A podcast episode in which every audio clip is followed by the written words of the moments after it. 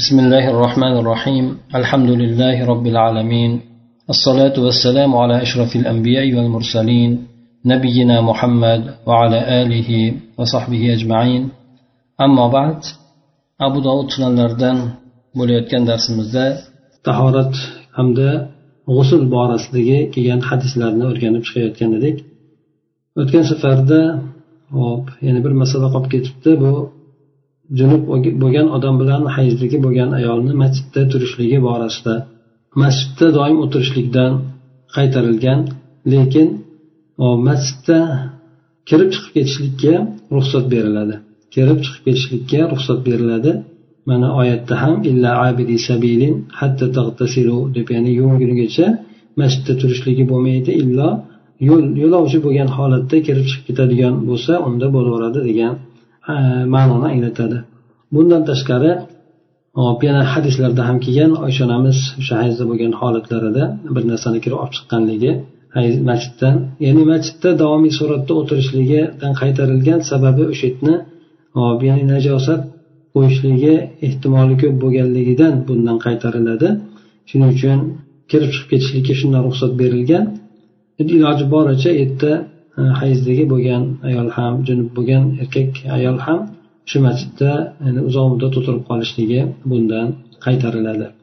Endi mana to'qson sakkizinchi bobga kelib to'xtagan edik bu babun fil g'usli minal janabati ya'ni junublikdan yuvinishlik to'g'risida kelgan hadislar to'plami ekan bu yerda. Ya'ni qanday qilib yuviniladi mana shu borasida bu hadislar bahs yuritadi. Birinchi hadisni alboniy rahimalloh sahiy deb ishora qilgan ekanlar buni abu dovud rahimalloh jubayr ibn mutim roziyallohu anhudan rivoyat qilgan ekan bularni keltirib o'tadiki annahum zakaru عليه رسول الله صلى الله عليه وسلم الغسل من الجنابة فقال رسول الله صلى الله عليه وسلم أما أنا فأفيض على رأسي ثلاثا وأشار بيديه كلتيهما hop bular ya'ni sahobalar rasululloh sollallohu alayhi vasallamni huzurlarida junublikdan yuvinishlik e, to'g'risida gapirishib qolishibdi.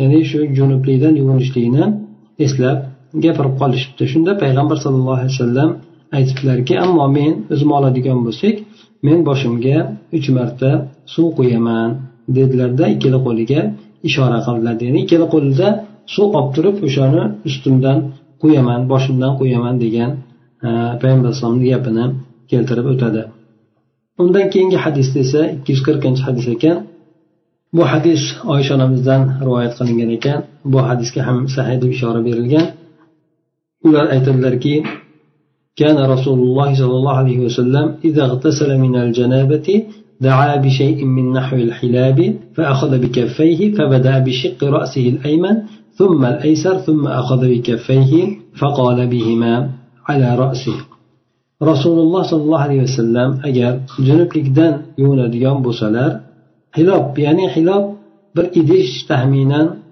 to'rt besh litr ichida suv bo'lgan idish hop ya'ni hilob deyilishligini sababi tuyani soqqanda bo'ladigan solinadigan idish bo'lar ekan ana o'sha idish taxminan to'rt besh litr suv sig'adigan o'shanda olib kelinglar deb payg'ambar sallallohu alayhi vasallam aytardilar deydi.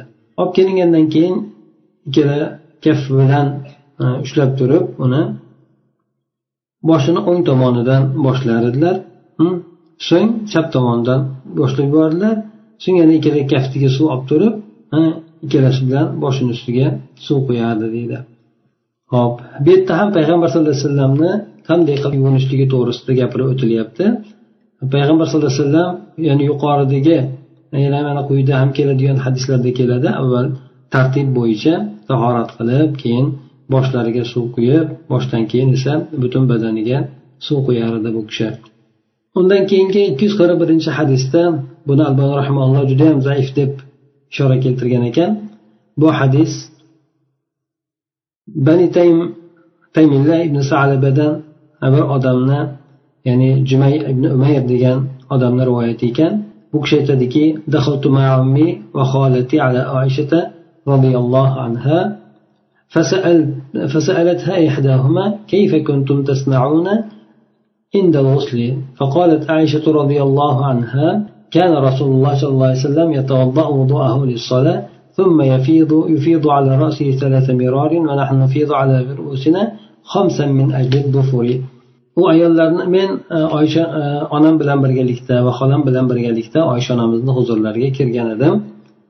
Shunda ularni birlari so'radi ya'ni yo onam yo xolam so'radi ya'ni sizlar g'usul paytida qanday qilardinglar? Qanday qilib o'nardinglar deb oysha onamizdan so'radi. Shunda oysha onamiz javob qildilarki rasululloh sollallohu alayhi vasallam namozga tahorat qilganidaqa tahorat qilardilar ya'ni mustahab qilib keyin o'zidan najosatlarni ketkazib Э, tahorat olar edi. So'ng boshlariga uch marta boshlaridan uch marta suv quyar edi. Biz esa o'sha bizni sochlarimiz ya'ni o'rilgan sochlarimiz borligi sababidan besh marta boshimizga suv quyamiz ya'ni boshimizdan suv quyamiz deb aytgan ekan. Bu aytib o'tilgandek yuqorida bu hadis zaif ekan demak hujjatga yaramaydi. Undan keyingi hadis ikki yuz qirq ikkinchi hadis ekan. Buni abu dovud rahmaulloh oysha onamizdan o'zlaridan rivoyat qiladi. Aytadilarki كان رسول الله صلى الله عليه وسلم إذا اغتسل من الجنابة قال سليمان يبدأ فيفرغ بيمينه على وقال مسدد غسل يديه يصب الإناء على يده اليمنى ثم اتفقا فيغسل فرجه وقال مسدد يفرغ على شماله وربما كانت عن الفرج ثم يتوضأ وضوءه للصلاة ثم يدخل يديه في الإناء فيخلل شعره حتى إذا رأى أنه قد أصاب البشرة أو أنقى البشرة أفرغ على رأسه ثلاثا فإذا فضل فضلة صبها عليه. رسول الله صلى الله عليه وسلم agar janobatdan yuvinadigan bo'lsalar sulaymonni kelgan rivoyatida ya'ni roviy sulaymonni rivoyatida ya'ni abu dovudni ustozlari hop bu kishini rivoyatda alohida gap kelgan ekanki boshlab o'sha o'ng qo'li bilan suv quyardi ya'ni o'ng qo'liga suv quyar o'ng qo'li bilan boshlab boshiga suv quyardi deb keladi. Endi musaddadni ya'ni ikkinchi boshqa bir shayxini ustozini rivoyati orqali esa ya'ni birinchi payg'ambar alayhissalom qo'llarini yuvardilar keyin idishdan o'ng qo'liga suv olib quyardilar demak boshidagi rivoyat ikkalasida ikki xil kelgan ekan. So'ng ikkalasi davomida ittifoq qilib ya'ni bir xil keltirib ketishgan ekan. Keyin payg'ambar sallallohu alayhi vasallam qo'liga suv olib qo'ygandan keyin farjlarini yuvardi ya'ni e, avratlarini payg'ambar alayhissalom o'sha tekkan narsalarni yuvib tashlardi. Yana musaddat aytadiki chap qo'liga suv quyardi chap qo'lini ustiga suv quyardi bu bilan deydi ehtimol e, bu gapini chap qo'lni deb aytayotganligidan o'sha farjni ya'ni avratini zakarini e, iroda kinoya qilayotgan bo'lishligi ham mumkin deydi. Ya'ni chap qo'lni ustiga emas balki avratini ustiga suv quyardi deb e, kinoya qilingan bo'lishligi ham mumkin deb aytadi. So'ng hop ya'ni birinchi mustahab qo'ygandan keyin bunday aytadigan bo'lsak ya'ni oldin orqasini yuvgandan keyin namoz uchun tahorat qilgandaqa tahorat olardilar. Hm, so'ng qo'lini idishga kirgizib sochlarini oralariga suv yetkazardi. Ya'ni boshini sochlarini oralariga suv yetkazardi. Hattoki o'sha suvga ya'ni terisiga suv yetkazib bo'ldim terini shu suvlab bo'ldim tozalab bo'ldim deb ko'rgan paytlarida boshida uch marta suv quyardilar. Endi suv quygandan keyin ya'ni yuvib bo'lgandan keyin bironta bir suvdan ozroq oshib qoladigan bo'lsa uni ham o'sha ustidan quyib qo'yardilar. Ya'ni payg'ambar alayhisalom ustidan uni oshiqcha suvni ham quyardilar deydi. Mana bu hadis sahih hadis. Mana bu e, hadisda qanday qilib e, qilinishligi to'g'risida sifatlari payg'ambar alayhissalomni g'usul qilishlik sifatlari to'g'risida aytib o'tilyapti. Demak bu yerda inson birinchi bo'lib yana quyida ham uni yana tafsilotlariga kiriladi. Birinchi inson g'usul qilmoqchi bo'ladigan bo'lsa albatta g'usul e, nima mustahab qilishlik kerak bo'ladi. Ha? Tahorat kirgandagi mustahabni mustahab qilishlik kerak bo'ladi. Ana undan keyin esa tahorat qilishlik kerak bo'lar ekan inson. Bu narsa sunnat. Ana tahorat bo'lgandan keyin g'usul qilib boshdan uch marta suv quyar ekan. Mabodo oshib qoladigan birinchi demak sochini endi suv oz bo'lgandan keyin sochini oralariga bir qator qo'lini suv bilan yurgizar ekan. Ya'ni o'sha yerdagi terilariga suv to'liq yetkazishligi uchun. Ana undan keyin ustidan suv uch marta suv quyadi deb keladi undan keyingi hadisimizda bu hadisni ham sahiy deb ishora qilgan ekan albani rahimalloh buni oysha onamizdan rivoyat qilingan aytadilarki الله صلى الله عليه وسلم إذا أراد أن يغتسل من الجنابة بدأ بكفيه فغسلهما ثم غسل مرافقه وأفاض عليه الماء فإذا أنقاهما أهوى بهما إلى حائط ثم يستقبل الوضوء ويفيض الماء على رأسه rasululloh sollallohu alayhi vasallam agar janobatdan yuvinishlikni xohlaydigan bo'lsalar ikkala qo'liga suv olardilar. Ikkala kaf bilan suv olib bir birini yuvardilar. Ya'ni e, yuqorida boshqa hadislarda kelib o'tgan edi. Ya'ni birinchi bo'lib qo'lni suvga kirgizishlikdan oldin suvni ya'ni idishni pasaytirib turib qo'lga suv quyib qo'lni chayqab olgandan keyin ana undan keyin qo'lini kirgizib suv olar edi. Ya'ni marofiq o'zi asli ma'nosi buni ya'ni insonda kir to'planib qolishligi mumkin bo'lgan terlab qolishligi mumkin bo'lgan joylar hisoblanar ekan. Bu qo'ltig'i bo'lsin tizzasini orqa tomonlari bo'lsin orqa peshob tomonlari bo'lsin. Ya'ni shu ya'ni bu yerdagi o'zi umumiy ma'nosi shuni anglatar ekan marofiq deganda. Lekin bu o'rinda e, mustahab qilganda shu oldi orqasini iroda qilinar ekan bu yerda. Shuni oldini ham orqasini ham yuvardilar keyin payg'ambar alayhissalom o'sha ustiga? Suv quyardilar hm? ustidan suv quyardi agar ikkalasini hm, tozalab bo'ladigan bo'lsa unda ya'ni ya'ni qo'llarini bir marta nima qilardilar? Ya'ni tozalardilar. Ya'ni bunday aytganda hozirgi paytda sovunlab yuviladi avvalda esa uni yaxshilab tozalagandan keyin ikkala qo'lini e, devorga urib qo'yardilar deydi devorga ishqab qo'yardi yoki yoki devorga urib qo'yardilar ya'ni bu bilan o'sha qo'liga ilashib qolishi mumkin bo'lgan hid boshqa narsalarni o'sha devordagi tuproqqa ishkashlik bilan ketkazardi keyin esa tahoratga iqbol qilardi tahorat olishlikka.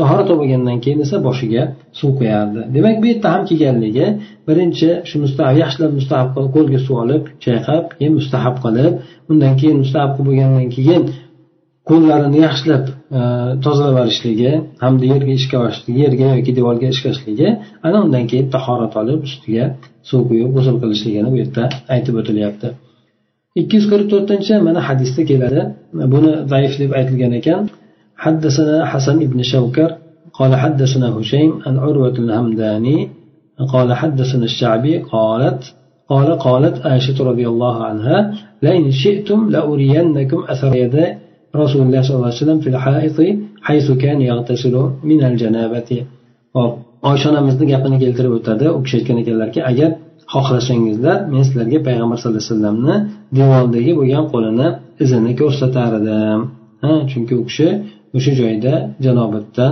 g'usul qilardilar yuvinardilar o'sha joydagi devordagi qo'lni izini sizlarga ko'rsatgan bo'lardim deb aytadi bu hadis mana doif ekan payg'ambar sallallohu alayhi vasallam demak u qo'lni surkaganligi emas bu yerda qo'lni kelganligi ekan lekin bu yerda mana ko'rsataman deyishligi bu zaif rivoyat ekan chunki roviylarni o'rtasida zaiflik bo'lganligi uchun o'rtada uzilishlik bo'lganligi uchun shu zaif deb aytilgan. Undan keyingi ikki yuz qirq beshinchi hadisda buni sahiy deb ishora qilgan ekan. Albani rahmaulloh bunda abu dovud rahmaulloh ibn abbosdan rivoyat qiladi. Bu kishi esa o'zini xolalari umul mo'minin maymuna roziyallohu anhodan rivoyat qiladi. U kishi aytadilarki قالت وضعت للنبي صلى الله عليه وسلم غسلا يغتسل به من الجنابة فأكفأ الإناء على يده اليمنى فغسلهما فغسلها مرتين أو ثلاثا ثم صب على فرجه فغسل فرجه بشماله ثم ضرب بيده الأرض فغسلها ثم تمضمض واستنشق وغسل وجهه ويديه ثم صب على رأسه وجسده ثم تنحى ناحية فغسل رجليه فناولته المنديل فلم يأخذه وجعل ينفض الماء عن جسده. فذكرت ذلك لإبراهيم فقال كانوا لا يرون بالمنديل بأسا ولكن كانوا يكرهون للعادة. yoki ekrahuna deb keladi hop maymuna onamiz aytadilarki men payg'ambar sallallohu alayhi vasallam uchun janobatdan yuvinadigan suvlarini tayyorlab qo'ydim. Ya'ni oldilariga qo'yib berdim. Bu kishi suvni o'ng qo'liga pasaytirdilar. Ya'ni o'ng qo'liga og'ishtirdilar. Keyin qo'lini ikki marta yoki uch marta yuvdilar dedi. Ya'ni suvni og'zini e, pasaytirib turib e, ikki marta yoki uch marta yuvdilar dedi. Ana undan keyin avratlariga suv quydilar avratlarini ustiga suv quydilar chap qo'li bilan uni yuvdilar deydi avratlarini ishqab yuvdilar. So'ng o'ng qo'lini e, e, qo'lini yerga urdilar. Yerga ya'ni yerga e, urdilar ya'ni yerga ishqadilar degani yerga ishqalab turib keyin qo'lini ham yana yuvib yubordilar o'sha aytib o'tilganidek avvallari sovun yoki shampun shunga o'xshagan narsalar muammo bo'lganligidan yo'q bo'lganligidan bular yer bilan ko'proq qo'llarini tozalardilar. Ana o'shandek qo'lni o'sha avratini yuvib bo'lgandan keyin qo'lini yerga ishqaladida yuvib tashladi. So'ng undan keyin og'ziga suv oldi burniga suv olib qoqdi burnini yuzini va qo'llarini yuvdi. So'ng boshiga va jasad butun jasadiga suv quydi. Bir chekkaga chetlanib turib ikkala oyog'ini yuvdi keyin keyin. Men u kishiga sochiqni bergandim ya'ni artadigan sochiqni bergan edim. Bu kishi olmadilar suvni esa jasadidan silkib tashlardilar. Men o'shani ibrohimga aytdim deydi. Ya'ni roviy aytadiki roviylardan birisi aytadiki amash ya'ni roviyga ibrohimga o'sha narsani zikr qilganda. Bu kishi aytdiki ibrohim nahaiyigada ya'ni ibrohim nahaiy o'sha tobiylardan shu kishiga aytib o'tgan edim. Bu kishi aytdilarki ya'ni sochiq bo'lsa shunga o'xshagan mendel artadigan narsa bo'ladigan bo'lsa bu narsani zarari yo'q deb bilishar edi lekin buni odat bo'lib qolishligini yoqtirishmas edi ya'ni doim shunga artadigan bo'lib qolishligini ular yoqtirishmasdi deb keltirib o'tadi. Demak bu hadisimizda yana ham biroz tafsiloti bilan kelyapti. O'sha g'usul qilishlik to'g'risida. Hop qo'lni yuvib undan keyin mustahab qilgandan keyin chap qo'li bilan mana chap qo'l bilan yuvishligi kelyapti mana farja avratlarini mustahab ya'ni chap qo'l bilan qilishligi kelyapti. Keyin qo'lni ishqab yuvorib turib og'ziga burniga suv olib tahorat qilishligi kelyapti mana bu yerda. Qo'lni yuvgandan keyin demak og'zi bilan burniga suv olib chayqashligi bo'lyapti. Buni E, masalasida olimlar bor ixtilof qilishgan. Ya'ni g'usulda albatta burun og'ziga suv olib chayqashlik burnni suv olib qoqishlik shu narsa vojib farz bo'lgan narsami yoki bo'lmasa e, sunnat bo'lgan narsami bu to'g'risida olimlarda ixtilof bor ekan. Hanafiy mazhabida tahorat borasida bu sunnat lekin e, g'usul borasida vojib deb biladi. Ba'zilar esa ikkalasida ham vojib deb biladi mana hambaliy mazhabiga o'xshab. Ba'zilar esa buni sunnat deb biladi. Shofiy bilan molikiy mazhabiga o'xshab. Demak bu o'zimiz hanafiy mazhabini aytadigan bo'lsak e, demak e, ya'ni o'zi umumiy suratda albatta tahoratda bo'lsin yoki bo'lmasa e, g'usul qilishlik paytida bo'lsin burun bilan og'izni albatta chayib tashlashlik kerak bo'ladi. Buni sahobalardan tark qilganligi ham rivoyat qilinmagan payg'ambar sallallohu alayhi vasallamni ham tark qilganligi rivoyat qilinmagan balki sahobalarni ham buni tark qilib buni iste'mol qilmasdan qo'yganligi rivoyat qilinmagan deyishadi. Keyin yana bu yerda kelyaptiki boshiga ya'ni qo'l boshiga suv tortib boshiga mas tortgandan keyin badani yuzlarini yuvib boshiga mas tortgandan keyin oyog'ini yuvmasdan keyin keyin bir tugatib bo'lgandan keyin o'sha yuvayotgan joyidan sal chetlanib turib o'sha joyda ikkala oyog'ini yuvib keyin chiqib ketishligi bu rivoyatda aytilyapti. Bu borada ham olimlarni mana pastdan quyida ham keladi. Oyog'ini yuvishlik masalasi to'g'risida har xil fikrlarni aytilgan. Albatta bu narsa hadislarga kelganligiga qarab bo'lgan. Ba'zilar aytadiki o'sha bir marta o'zi oxirida yuvib qo'yishlik kifoya qiladi ya'ni boshga mas tortgandan keyin ustidan suv quyib yuboraveradi. Hamda g'uslini tugatgan paytida ikki oyog'ini yuvadi. Mana bu hadisda kelganidek ba'zilar aytadiki mana yuqorida ham kelib o'tdi. Ya'ni payg'ambar sallallohu alayhi vasallam tahoratga ya'ni namozga tahorat olgandaqa tahorat olardilar keyin g'usul qilardilar deydi. Bu oyog'ini ham qo'shib yuvganligini bu narsa anglatadi endi ya'ni tahorat to'liq bo'lishligi albatta oyog'ini yuvishlik bilan bo'ladi endi. Shundan olimlar aytishadiki ikki marta yuvganligi ma'qul bo'laveradi ikki marta yuvib chiqishligi agar ikkinchisida ehtiyoj bo'ladigan bo'lsa. Ehtiyoj bo'ladigan bo'lsa ya'ni oyog'ini masalan avvallari avrazda turib cho'milishadigan bo'lsa o'sha yerda oyoqlarini keyin tashqariga chekkan paytda o'sha suv chachragan boshqa bo'lganligidan yana tashqariga olib turib alohida yuvib qo'yishardi buni molik imom molik ham shuni shart qilgan ekan agar oyog'iga e, o'sha nima suvlar e, yuvishlikka ehtiyoj bo'ladigan bo'lsa unda ikkinchi marta yuvib qo'yadi bo'lmasa shu bittasiga kifoya qiladi degan mazmunda aytganlari. Bu yerda birinchi tahorat mustahab qilinib yaxshilab keyin keyin qo'lni chayqab yuborib tahorat qilinadi. Tahorat qilgandan keyin to'liq e, oxiriga borib turib oyog'ini e, bir marta o'sha tahorat olayotgan paytda yuvib qo'yganligi yana ham yaxshi bo'ladi. E, oxirida esa g'usul qilib bo'lgandan keyin yana bir marta oyog'ini yuvib qo'ysa bu bo'laveradi. Lekin bir marta yuvishligi o'zi shu narsa shart qilinadi. Ikkinchi marta yuvilishligi esa bu sunnatni ifoda qiladi. Ya'ni to'liq mukammal bo'lishligini ifoda qiladi. Uchinchi masala bu yerda mendil ya'ni sochiq deymiz biz yoki bo'lmasa ro'molcha deymiz. Buni men u kishiga bergan edim olmadi deydi. Ya'ni ma'lumki endi ularda ob havo issiqligi bor. Shuning uchun payg'ambar sallallohu alayhi vasallam ham doimiy suratda sochiq artganligi rivoyat qilinmagan. Lekin ba'zi o'rinlarda o'sha kiyinib yurgan choponni orqa tomoniga ya'ni ichkari tomoniga yuzini tahorat qilib artganligi rivoyat qilinadi. Hop bu yerda bu kishini olmaganligini sababi ana aytib o'tadiki o'zi issiq bo'lgandan keyin badanidan suvni silkib tashlayvergan ana o'sha rivoyat kelgandan keyin bu rivoyatchilardan birisi ibrohim nahayiyga shu to'g'risida aytib o'tgan paytida ibrohim nahay aytadilarki ular yana sahobalar chachakni zarari yo'q deb bilishar edi. Chachakni ishlat payg'ambar alayhisalom ishlatmagan bo'lsa lekin umumiy suratda ishlatsa bo'ladi buni sahobalar ham bo'ladi deyishar edi. Lekin ular bu narsa odatga aylanib qolishligini yoqtirishmasdi deydi. Yana bu ham bir tarafni ya'ni e, ortiqchalikni bir turi bo'lmasin degan mazmunda ularda ko'pincha bu narsaga ehtiyoj ham bo'lmasdi chunki ob havoni issiqligi insonni birpasda o'sha suvni quritib yuborardi. Demak sochiqni ishlatishlik ya'ni ixtiyoriy bo'lgan narsa e, ba'zan e, bu narsa albatta zarur bo'ladi xosatan sovuq bo'lgan o'rinlarda agar artilmaydigan bo'lsa shamollab qolishligi insonni turgan gap. Uchinchi yana undan tashqari yana bir masala. Badanidan suvni silqib tashlardi deydi. Ha qo'ldan badandan suvni silqib tashlashlik. Ba'zilar qo'lni silkishlikdan qaytarishligi bor. Endi silkish bo'lmaydi degan nimada. Lekin bundan qaytarilgan rivoyat zaif deyishadi. Shuning uchun mana bu hadisda kelayotgandek sahih jasaddan suvni silqib tashlashligi bu qo'ldan bo'lsin boshqa jasad a'zolaridan bo'lsin. Shunda qo'lni yuvib ham qo'lni silkib tashlashligi uni zarari yo'qdir. shariatda hech qanaqangi uni qaytaruvi yo'q balki qaytarib kelgan narsasi zaif deb aytilgan abu dovud rahmaulloh aytadiki قال قال مسدد قلت لعبد الله بن داود كانوا يكرهون للعادة فقال هكذا هو لكن وجدته في كتابك هكذا abu dovud aytadilar rivoyat qilib musaddid aytdi men abdulloh ibn davudga aytdim deydi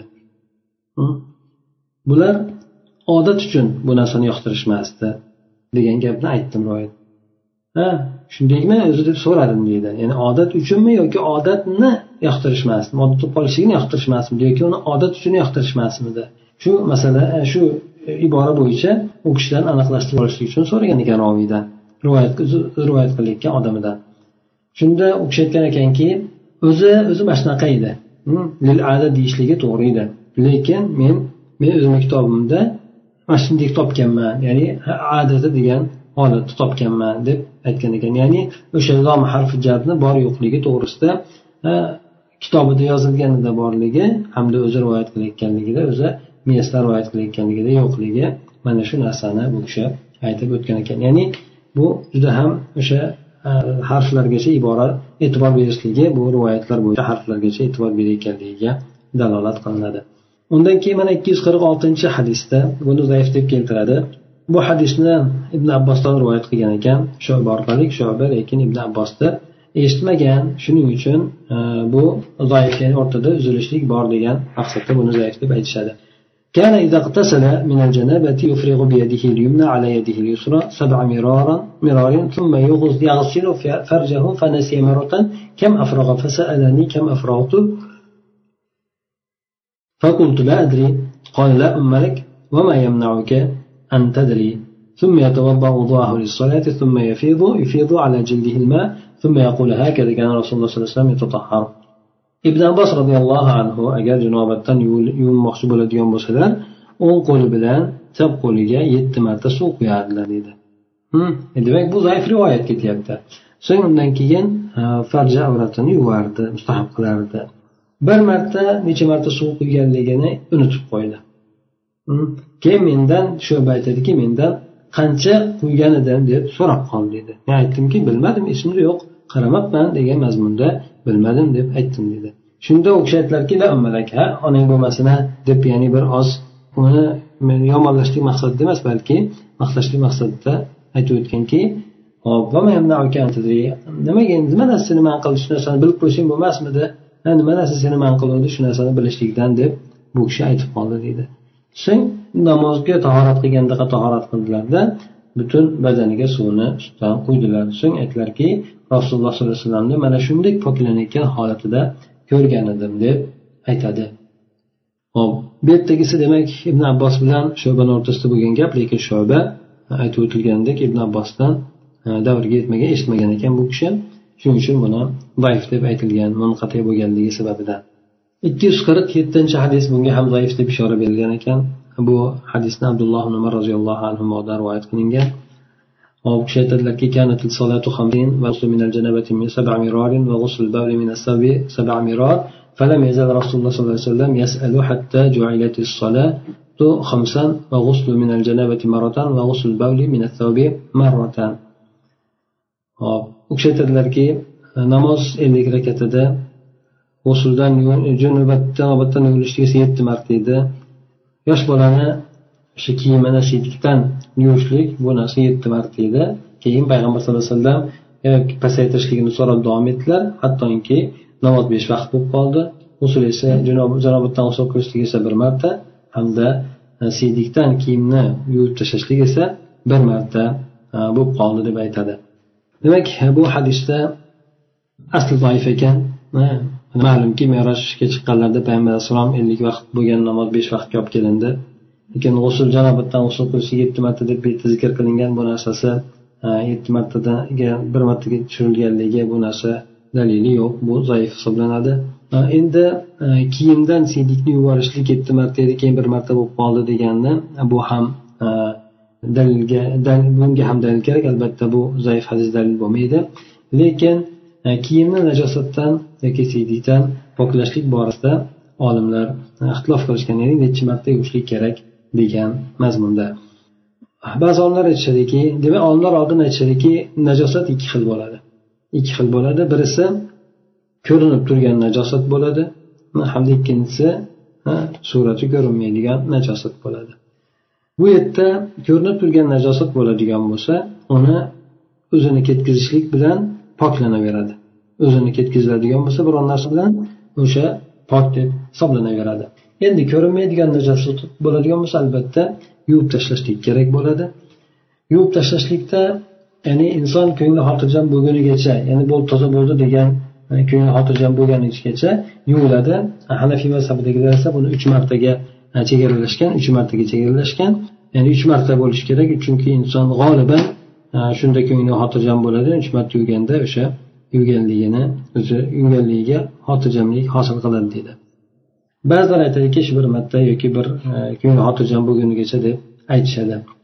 Ko'rinib turgan najosatni esa o'sha yo'qolgunigacha bir martami ikki martami uch martami besh martami qancha bo'ladigan bo'lsa ya'ni o'sha yo'qolgunigacha yuviladi endi asorati ketmaydigan bo'ladigan bo'lsa asorati qoladigan bo'lsa buni zarari bo'lmaydi endi. Ya'ni o'zi ketkazilib asorati chiqmasdan masalan qon ham kiyimga bo'ladigan bo'lsa albatta o'zini asoratini qoldiradi lekin shu yaxshi yuvib tashlagandan keyin ham qoladigan bo'lsa bu narsani zarari bo'lmaydi.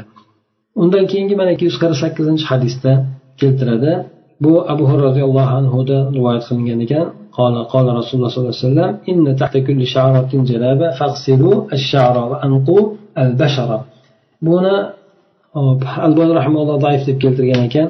Rasululloh sollallohu alayhi vasallam aytadilarki har bir soch tolasini ostida janobat bordir. Soch tolasini ostida junublik bo'ladi. Sochni yaxshilab yuvib tashlanglar va soch tagidagi terisini tozalab yuboring tozalab yuvinglar deb payg'ambar alayhissalom aytgan ekan demak bu hadisda aytib o'tganimizdek avvalo doif keldi har bitta soch tolasi albatta boshni yuvish kerak bo'ladi o'zi aslida to'g'ri suratda yuvishlik kerak bo'ladi junub bo'lgandan keyin ana yana shunga bog'liq bo'lgan yana bir hadis lekin bu ham doif deb aytilgan buni ali roziyallohu anhudan rivoyat qilingan ekan u kishi aytadilarki إن رسول الله صلى الله عليه وسلم قال من ترك موضع شعرة من جنابة لم يغسلها فعل بها كذا وكذا من النار قال علي فمن ثم عاديت رأسي ومن ثم فمن ثم عاديت رأسي فمن ثم عاديت رأسي وكان يجزه يجز شعره رضي الله عنه رواية الغليل rasululloh sollallohu alayhi vasallam aytdilarki kim janob junublikdan shu bir soch tolasini qoldiradigan bo'lsa ham shu suv yetkazmasdan qoldiradigan bo'lsa ham o'tdan palondaqa palondaqa o'shani muqobilda u odamga bo'ladi deb aytgan ekanlar Ali roziyallohu anhu aytadiki ana o'shandan keyin men boshimga dushman bo'lib qoldim. Boshimga dushman bo'lib qoldim boshimga dushman bo'lib qoldim. Ya'ni yaxshi yurmaydigan bo'lsam men do'zaxdan nasibador bo'lib qolaman ekan degan mazmunda bu kishi shu gaplarni aytgan ekan. Ana o'shandan keyin bu kishi sochini qirqiydigan bo'lgan ekanlar. Ba'zi rivoyatlarda to'liq suratda bu kishi oldirib tashlardi deb keladi. Hop bu aytib o'tilgandek yuqorida zaif ekan. Hm? Hop inson qo'ldan kelgancha o'sha boshiga suv yetkazishlikka harakat qilib E, yuvadi. Albatta birinchi mana sochlarni boshlarini e, yaxshilab qo'llarini oralariga kirgizib sochlarni hamma yeriga boshlarni hamma yog'iga suvga yetkazishlikka inson harakat qilishligi kerak bo'ladi. Lekin ali roziyallohu anhuni o'zi bu kishidan ba'zi rivoyatlarda keladi shunday qilganligi bu narsa u kishini o'zlarini istihodidan bo'lgan. Sochini oldirib doim oldirib yurib o'sha janobatdan nima bo'lib qolmasin endi qolib ketib qolmasin degan mazmunda. Lekin mana payg'ambar alayhissalom bo'lsin boshqa sahobalar bo'lsin hattoki ko'plab soch uzun qilib sochlarini ham qo'yardi lekin bular shunisiga yetkazishlikka harakat qilishardi.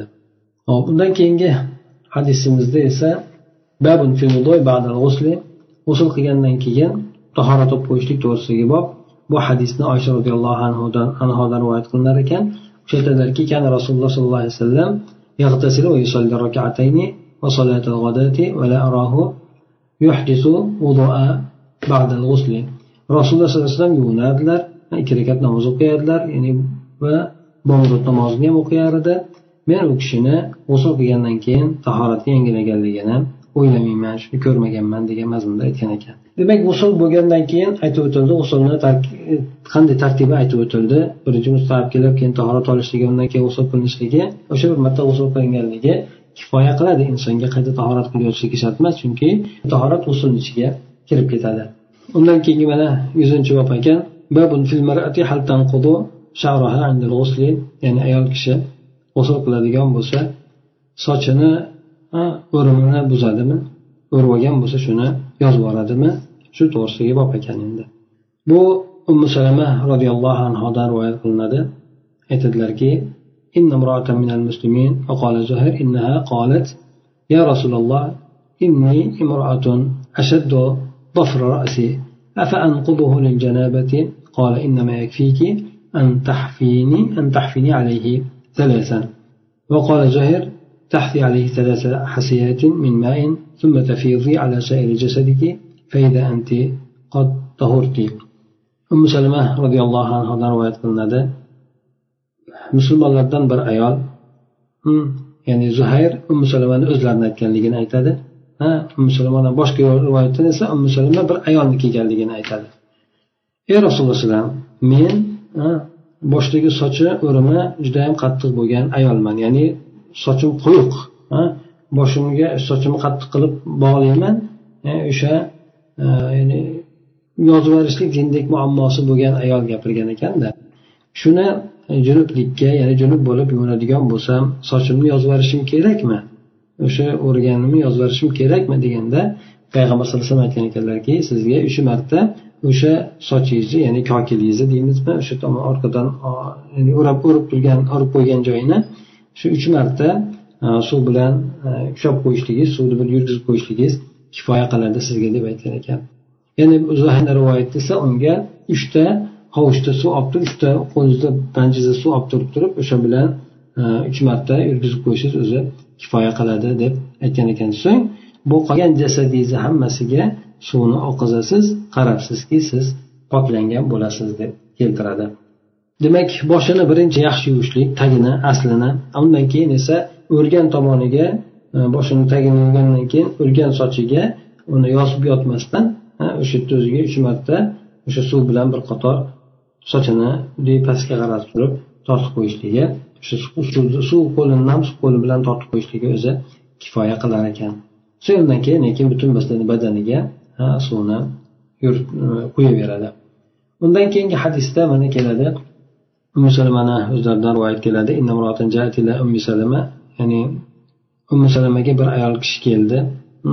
Deb mana shu hadisni keltirayotgan ekan. Aytgan ekanki nabiy sallallohu alayhi vasallam vag'mizi qurunaki inda kulli hafnatin.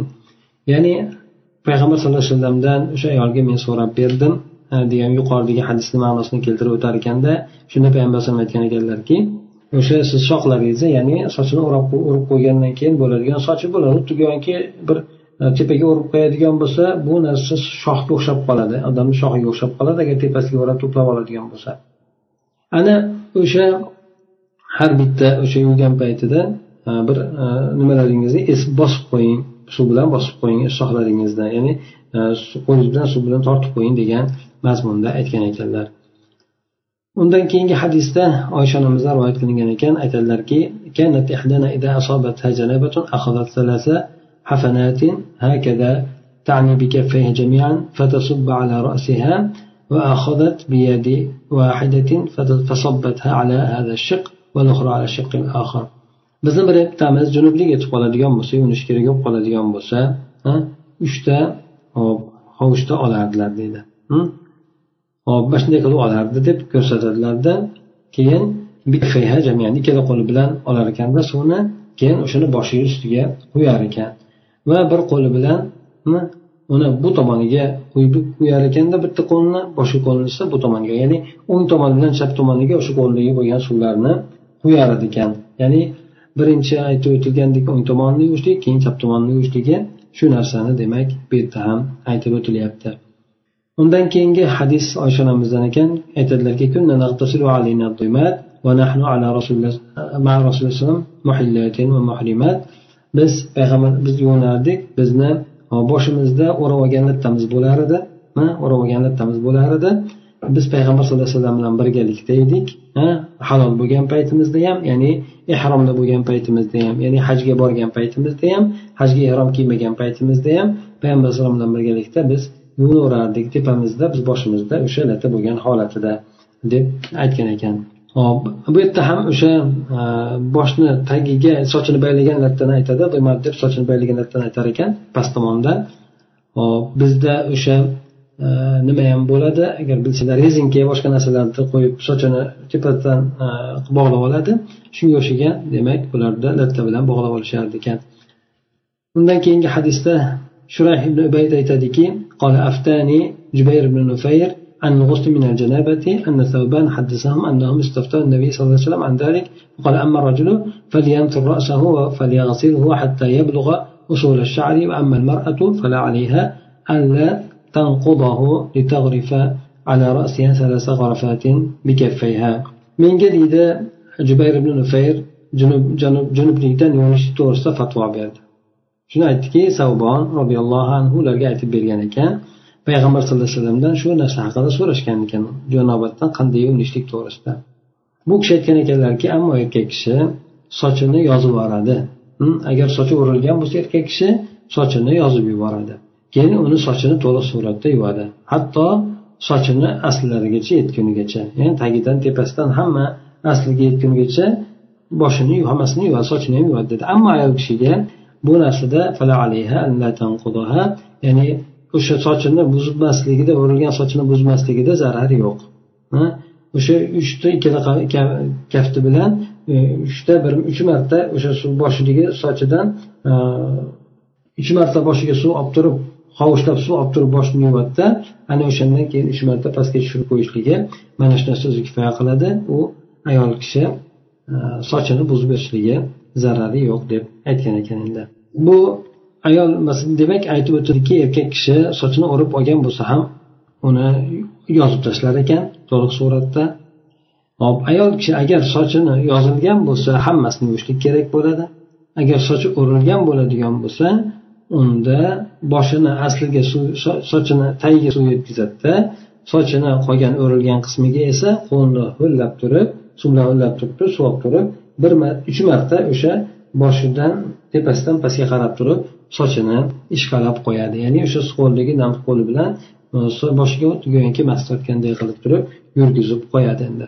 Bu yerda bir masala bor ekan ya'ni payg'ambar sallallohu alayhi vasallamdan bu yerda janobat haqida so'ralgan paytda aytib o'tdilarki ayol kishi e, nima sochini buzishligi shart emas dedi. Hop shunga ko'ra olimlar ba'zilar rivoyatlarga suyangan holatda ba'zilar aytar ekanki hop e, g'usul junubatdan janobatdan bo'lishligi mumkin hamda hayzdan bo'lishligi mumkin.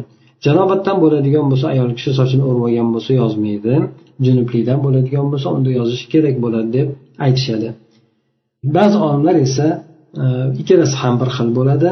Ya'ni junublikda ham hayzda ham ayol kishi ixtiyori. Agar sochini yozib yuvaman deydigan bo'lsa yozib yuboradi yoki yozib yuvishligi shart emas deydi. Lekin mabud e, kitobini sohiblari shuni quvvatlab aytadiki e, demak o'sha ikkalasi bir xil bo'lgan. Ya'ni e, g'usulda ham e, janobatda ham ikkalasi ya'ni majbur bo'lmagan ayol kishi sochini yozib yuborishlikka deydi. Lekin allohu alam hanafiy mazhabida g'usul hayzdan g'usul qilayotgan paytida sochini ayol kishi yozib yuboradi deydi.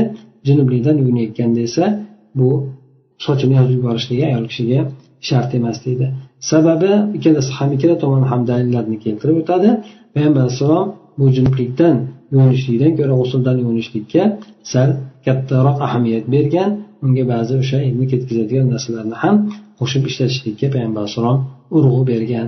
Ana o'shandan aytishadiki bu nima hayz paytida hayzdan chiqqandan keyin yuvinishligida e, sochini yozib turib yuvinishligi ayol kishi yuvinishligi yaxshiroq bo'ladi deb aytishadi. Allohu alam.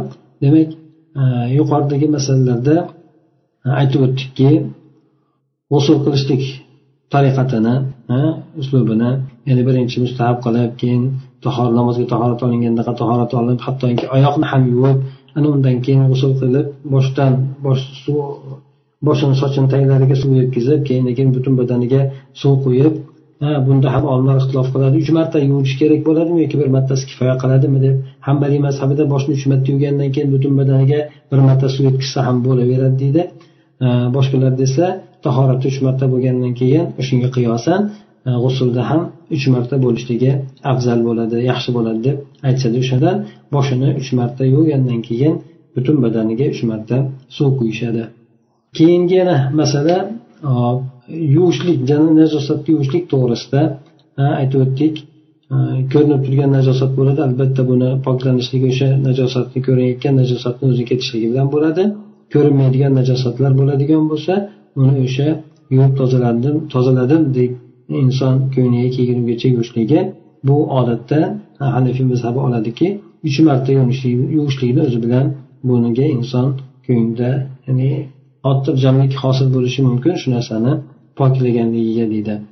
Undan keyin bu yerda sochni yozishlik yoki o'rilgan sochini yozishlik yozmaslik borasidagi masala to'g'risida aytib o'tildi.